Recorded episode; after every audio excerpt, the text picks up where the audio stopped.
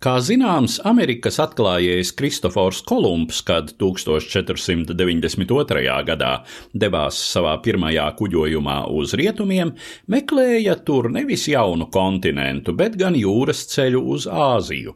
Dažus gadus pēc Kolumba pirmā ceļojuma starp Spāniju un Portugāli, tobrīd divām okeānu kuģotāju valstīm, tika noslēgts līgums, saskaņā ar kuru Portugāļi paturēja tiesības meklēt jūras ceļu uz Indiju austrumu austrumu virzienā, apkārt Āfrikai, bet spāņiem atlika turpmākie meklējumi rietumos.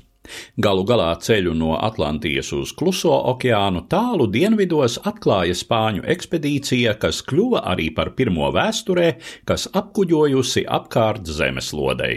Diemžēl ekspedīcijas pirmais komandieris Fernando Magelāns no tās neatgriezās. 1521. gada 27. aprīlī viņš krita kaujā pret Filipīnu iezemiešiem. Fernando jeb Fernāns Magelāns bija portugāļu jūras braucējs un virsnieks, viņam nepalaimējās zaudēt Portugāles karaļa Manuēla I labvēlību, un tad nu gana ambiciozais vīrs piedāvāja savus pakalpojumus Spānijas karalim un vēlākajam Svētās Romas impērijas ķeizaram Kārlim V. 1519. gada 10. augustā, dodoties ceļā no Seviljas, Magelāna pakļautībā bija pieci kuģi ar apmēram 270 vīru apkalpi. Kuģojumā pāri Atlantijai un pirmajos rietumu jūras ceļa meklējumos Dienvidamerikas piekrastē pagāja pirmais pusgads. Pēc tam ekspedīcijai nācās pārziemot tagadējās Argentīnas dienviddaļā. Pie tam Magelāns piedzīvoja dumpja mēģinājumu un viena kuģa nogrimšanu vētrā. Galu galā 1520. gada novembrī ekspedīcija sasniedza šaurumu starp Dienvidameriku Āfriku un Ugunszemi, kas tagad nes Magelāna šauruma vārdu. Šeit no ekspedīcijas atšķēlās vēl viens kuģis, vispirms noklīstot, pēc tam komandai sadumpojoties un atgriežoties atpakaļ uz Spāniju. Pārējie trīs kuģi turpināja ceļu pāri klusajam okeānam, kas prasīja vairāk nekā trīs mēnešus un 19 jūrnieku dzīvības, kuri mīra no nepietiekama uztura un avitaminozes. Tikai 1521. gada marta sākumā Magelāna ekspedīcija sasniedza Guāmas salu, bet marta vidū Filipīnas kļūdami par pirmajiem eiropiešiem, kas ieradušies šajā arhipelāgā.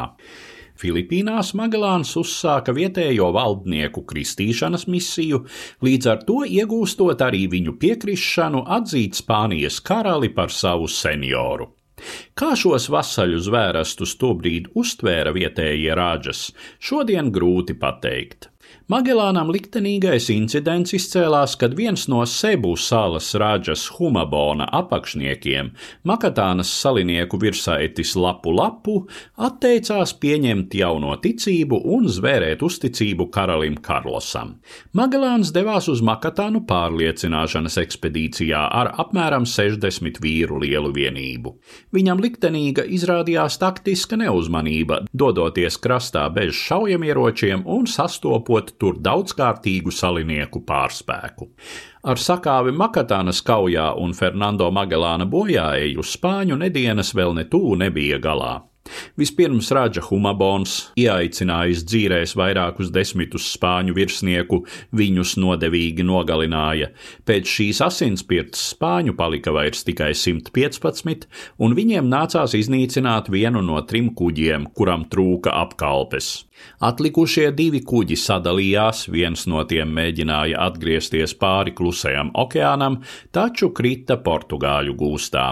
Otrs kuģis Viktorija, kapteiņa Juana Sebastiana Elkano komandēts, šķērsoja Indijas un Atlantijas okeānus, vēl 20 apkalpes locekļi nomira no bada, 13 tika arestēti Portugālei piedarošajās Kabo Verdes salās, kad atklājās, ka spāņi, kas apgalvoja, ka kuģojuši no Amerikas, tilpnēs ved Āzijas garšvielas, Atlikušajiem Elkāno vīriem izdevās pacelt ankuru un izsprukt, un 1522. gada 6.